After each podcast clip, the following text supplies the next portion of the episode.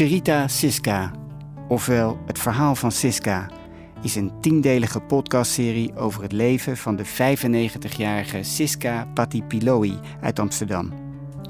Een opmerkelijke vrouw die historische tijdvakken van de koloniale periode van het toenmalige Nederlands-Indië, de proclamatie van de jonge Republiek Indonesië en de vlucht naar Nederland van dichtbij heeft meegemaakt. En zij volgt nog steeds de recente ontwikkelingen over de relatie Nederland-Indonesië op de voet. Vijf gastinterviewers, van de eigen kleindochter Iranila tot en met de schrijver David van Rijbroek, zochten haar thuis op en nemen periodes uit haar leven door. Thema's als de koloniale samenleving, de inzet voor een onafhankelijk Indonesië, discriminatie en de strijd voor de positie van vrouwen passeren de revue. In het tiende en laatste deel van deze podcastserie praat David van Rijbroek met Siska Patipiloi over haar ontmoetingen met de weduwe van Sun Yat-sen en met Ho Chi Minh en blikt hij met haar terug op de conferentie van Bandung. Ik ben in Shanghai als tolk meegenomen naar een vergadering ook van uh, Afro-Aziatische landen. Op een eiland uh, tegenover uh, Shanghai. En Shanghai was al zo ont ontwikkeld, vond ik. Ja. En zo modern. dat, dat, dat was ongelooflijk voor ons als Indonesiërs. Dat maakte echt indruk. Dat maakte verschrikkelijke indruk, ja. Dat, dat, dat is denk ik ook de reden dat China altijd toch wel met Indonesië later een, een vreselijke grote invloed heeft. En er waren natuurlijk ontzettend al miljoenen Chinezen Ja. al jarenlang uh, in, in Indonesië gevestigd ook. Ibu Siska, klopt het verhaal dat u in China ook de weduwe van Sun Yat-sen nog ontmoet heeft? Ja, maar met de hele Indonesische vertalersgroep hoor. Oh ja, ja. Niet ik alleen. Nee, wij waren allemaal helemaal onder de indruk. Het was zo'n gewone en aardige vrouw die, die ons toesprak. Maar ja, we waren daar maar een uurtje natuurlijk. Hij was de vader des vaderlands Ja, van China. ja, ja. De man die China heeft bevrijd van het keizerrijk. Maar mevrouw Sun Yat-sen, de weduwe, heeft u ontmoet. ja, ja, waar toen? Was dat in Beijing of in Shanghai? Waar heeft u haar ontmoet? Zij woonde, geloof ik. Ja, ze- had een eigen. eh, ze hadden haar een eigen eh, eh, ge- gebouw gegeven en zo. Maar ze was zo gewoon normaal. Ze was helemaal niet bijzonder gekleed of zo. Sorry. En, en ze was zo aardig. En, en iedereen kreeg natuurlijk een hand. En, dus, en, en we waren met eh 25 vertalers, dus dat was best wel veel. Ja, ja, ja. Klopt het dat u ook eh, Ho Chi Minh heeft ontmoet, de leider van, van Vietnam, van Indochina toen? Ja, die is, die is dan naar Indonesië gekomen. Die is naar Indonesië Ja. gekomen. Ja. En u heeft hem ook ontmoet. En hij vond dat paleis maar helemaal niks. Dus hij ging de mensen ontvangen op de trappen van paleis eh, van, van eh, eh, bij Benreka. Ja, Dat heeft toch van die trappen? precies. Dan ging hij daar midden op zitten. En, eh, Het en- presidentiële paleis. wat- ja, en in zijn of, uh, chauffeur dingen, want hij had, was ook nooit fatsoen, in, in dingen gekleed hoor. Hij had maar, want ze waren nog in, in volle oorlog, hè, Noord-Vietnam en zo. En kwam dat, kwam dat doordat hij eh, principieel tegen eh chique kledij was? of was hij een beetje zoals Gandhi, bewust sober? Ik denk eh, dat dat hem helemaal nog niet belangrijk voorkwam. Hè? Een heleboel van die, eh, behalve sommigen in Afrika, alleen ergens, ik kan maar niet op het land komen. Daar waren ze al een beetje beïnvloed door Ja. de. Maar de meeste Afrikaanse waren ook heel gewoon hoor. Klopt het dat een van uw kinderen op de schoot van Ho Chi Minh heeft gezeten? Eh. Maya. Oh, schoot! Ja, ja, schoot. ja, ja, maar ze was pas drie jaar. Maar Ja. uw, dochter heeft op de schoot van Ho Chi Minh Ja, ja gezeten. want dat vond, hij vond dat zo leuk. Want eh, wij, wij kwamen, eh, mijn, man en ik eh, gingen hem bezoeken natuurlijk. Ik als, als tolk, hij als journalist. En, en Maya mocht toen mee, want ik was ook niet thuis. Dus, en, we vonden dat, en zij was heel erg wijs. Hè. Ze kon op haar... eh, toen ze nog geen één jaar was, kon ze al eh, eh, aardig babbelen. En dus we dachten, ach, misschien vindt ze, zo'n man dat wel leuk om. Uh, nou, dus hij heeft ook eventjes uh, kennis gemaakt. Maar ja, dat was maar heel gewoon. Maar dat was natuurlijk eigenlijk... Later hebben wij pas beseft, dat was natuurlijk eigenlijk fantastisch. Dat ze dat gedaan heeft. Maar ja, helaas herinnert ze zij zich daar natuurlijk niks meer van. Maar u, heeft nog groten der aarde en zeker groten van de decolonisatie ontmoet. Julius Nyerere, de president van Tanzania, die heeft u ook nog ontmoet, geloof ik, of niet? Ja, ja. Maar die had toen uh, ook.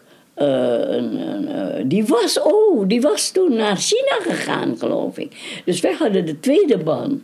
Oh, ja. En die was behoorlijk. al, al, hoe noem je dat hoor? Die, die, die gaf ook feesten waar, waar je dansen ging.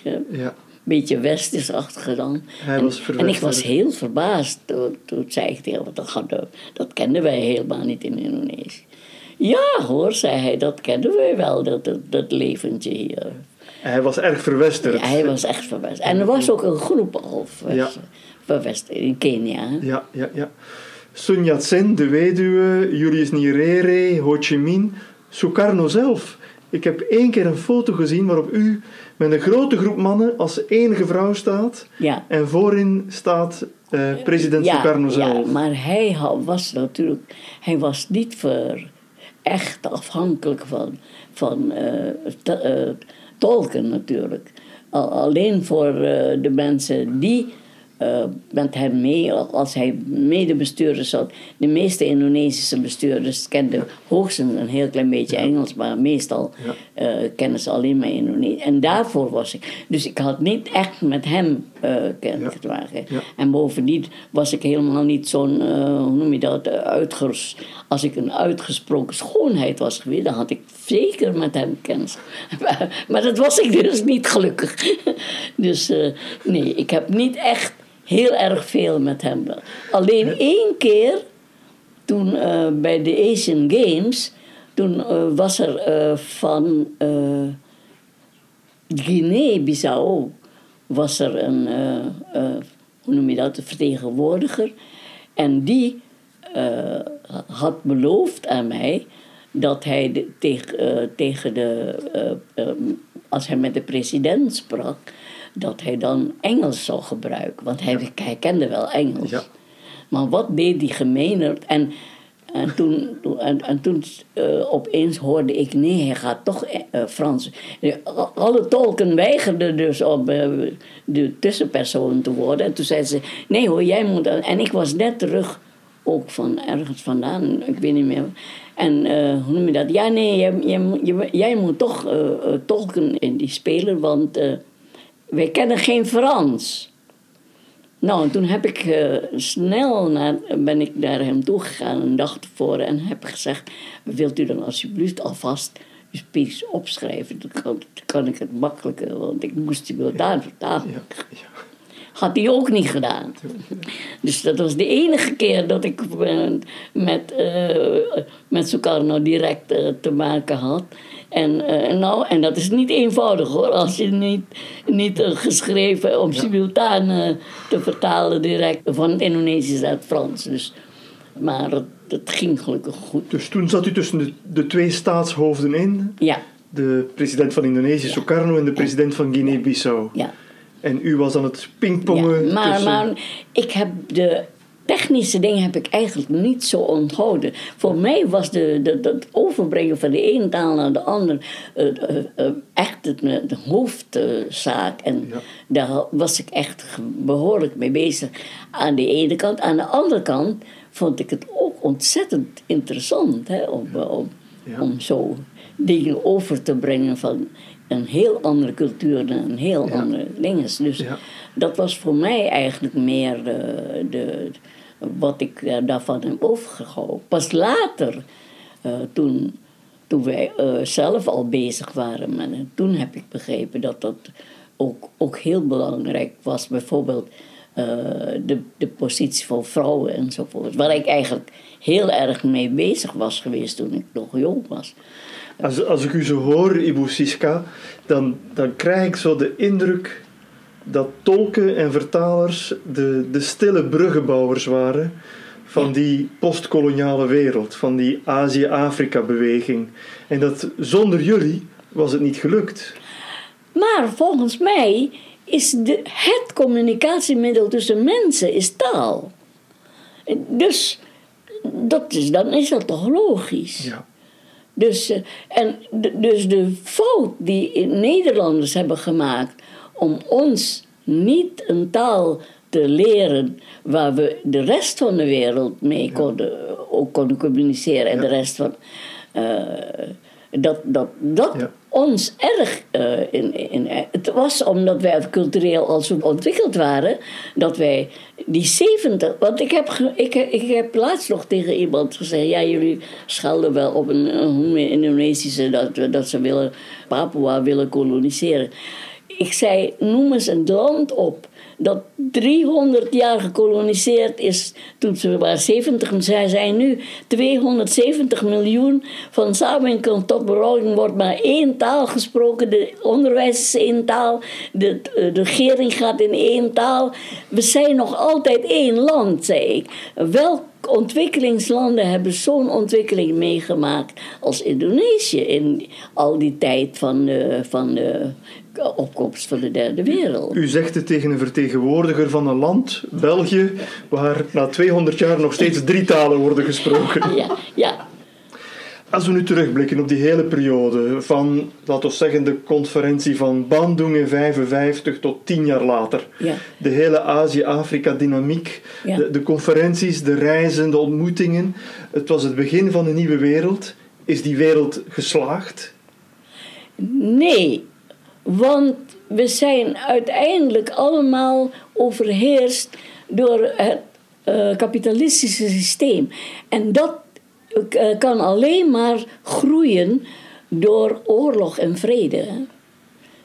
En in Azië en Afrika bestond dat eigenlijk nauwelijks. Kunt u zeggen dan dat de, de belofte van Bandung eigenlijk kapot gemaakt Ja. is? Ja, absoluut. Absoluut. Door wie? In eerste plaats door Amerika. En eigenlijk, eigenlijk pas na de Tweede Wereldoorlog. Hè. Want zij hebben het minst geleden. En eh, eh, daarom vind ik jouw boek zo interessant, omdat je al die getallen noemt. Dat had ik mij nooit zo gerealiseerd. Maar nu begrijp ik eigenlijk echt hoe verschrikkelijk dat allemaal. Hoe eigenlijk dat systeem eh, dodelijk is. Hè. Kan je zeggen dat de, de Bandung-beweging kapot is gemaakt door de Amerikanen? Ja, absoluut. En ze hebben nog in eh 19, ik weet niet wat, eh, daar hebben ze mij ook nog opgeroepen om eh, eh, in de eerste, toen Lee, eh, Christopher Lee, die in, in, ik weet niet hoe la, hoe- wanneer dat was, eh, die heeft ook nog geprobeerd om het een nieuw leven in te roepen, maar dat was onmogelijk, want eh, daar waren dus degenen die daaraan meededen, waren geen net gemaakte eh, Landen. eh, koloniale eh, landen. Hè. Dat waren al, al mensen die al geproefd hadden wat het kapitalistische systeem bracht. En dat hebben we eigenlijk nooit ook zo kunnen analyseren en, Ja. en kunnen, kunnen bestrijden. hè. Ja. Het valt mij ook op, er, er zijn nog herdenkingen van de Azië-Afrika-conferentie in Ja, Bandung. nog steeds, ja. Maar het verschil met toen is, is volkomen. Toen ging het over broederschap, wereldvrede, samenwerking, Vooral, uitwisseling. Nu gaat En het over ontwikkeling van elkaar. ontwikkeling. Nu gaat het over En economische nu contracten. gaat het over economisch belang. Wat kan ik van de een krijgen en wat kan de ander van mij krijgen? Het kolonialisme is afgeschaft, het kapitalisme is gebleven. Ja, ja. absoluut. Dus met, met 1965 heeft dat echt gewonnen. Nou, trouwens, dat schrijft Bevins ook in zijn boek van eh, de Jakarta Method. Precies. Dat is eh, ook echt. eh, De Jakarta Method ja. was de, de CIA die Ja. overal in de wereld rechtse regimes op de been bracht. In de bedoeling om de Bandung-beweging En alleen maar een kleine elite te creëren die de kapitalistische eh, systeem ook het beste vindt. Hè? Ja. Om, die worden dan ook eh, zo begeerig en dingen. En die zijn bereid om hun eigen volk dus eigenlijk dat- tot slaaf te maken en desnoods te vermoorden. En de Amerikanen deden dat vanuit de opvatting: zo krijgen we meer welvaart, zo krijgen we meer vrijheid. Ja, Maar 50, 60 jaar later moeten we vaststellen: het is het begin geweest van de klimaatcrisis en de Ja. ecologische crisis. ja, ja, inderdaad. Maar ook in hun eigen land doen ze dat. Hè? Eh, Kijk maar, ook nu in Amerika zijn er vreselijke eh, eh, natuurrampen aan, de gang. En, en ze willen nog maar steeds niet begrijpen dat die Biden bijvoorbeeld, die komt niet tot de ontdekking dat het nu eigenlijk. je kunt met, met klimaat vriendelijk zijn, ook ontzettend veel geld verdienen. Hebben ze, allerlei wetenschappers hebben dat al naar voren gebracht. Maar het, de, ja, de mens is zo Hardleers. hebzuchtig. Ja. Hebzuchtig. Als je dat laat overwinnen, dan eh, ja, overwint het alles.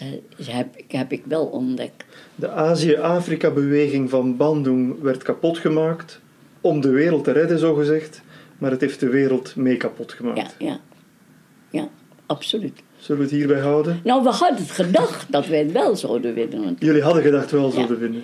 Omdat wij te weinig eh, ons hebben gerealiseerd. En bovendien, de, de, het kapitalisme had natuurlijk ook de techniek in handen. Hè?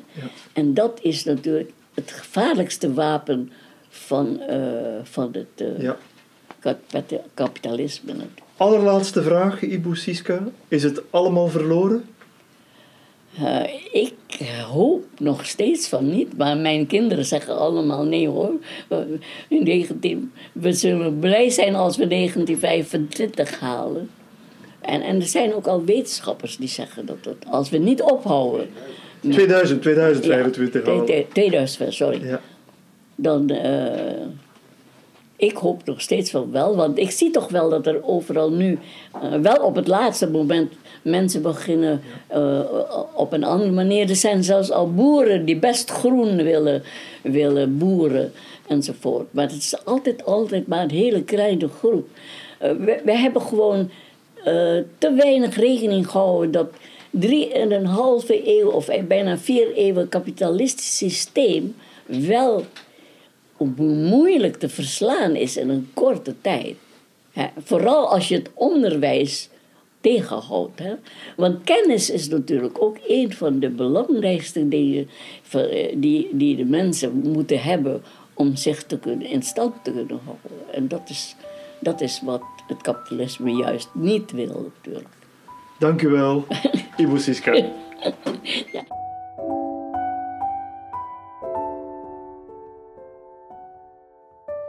U luisterde naar de laatste aflevering van de podcastserie Cherita Siska, het verhaal van Siska Patipiloi.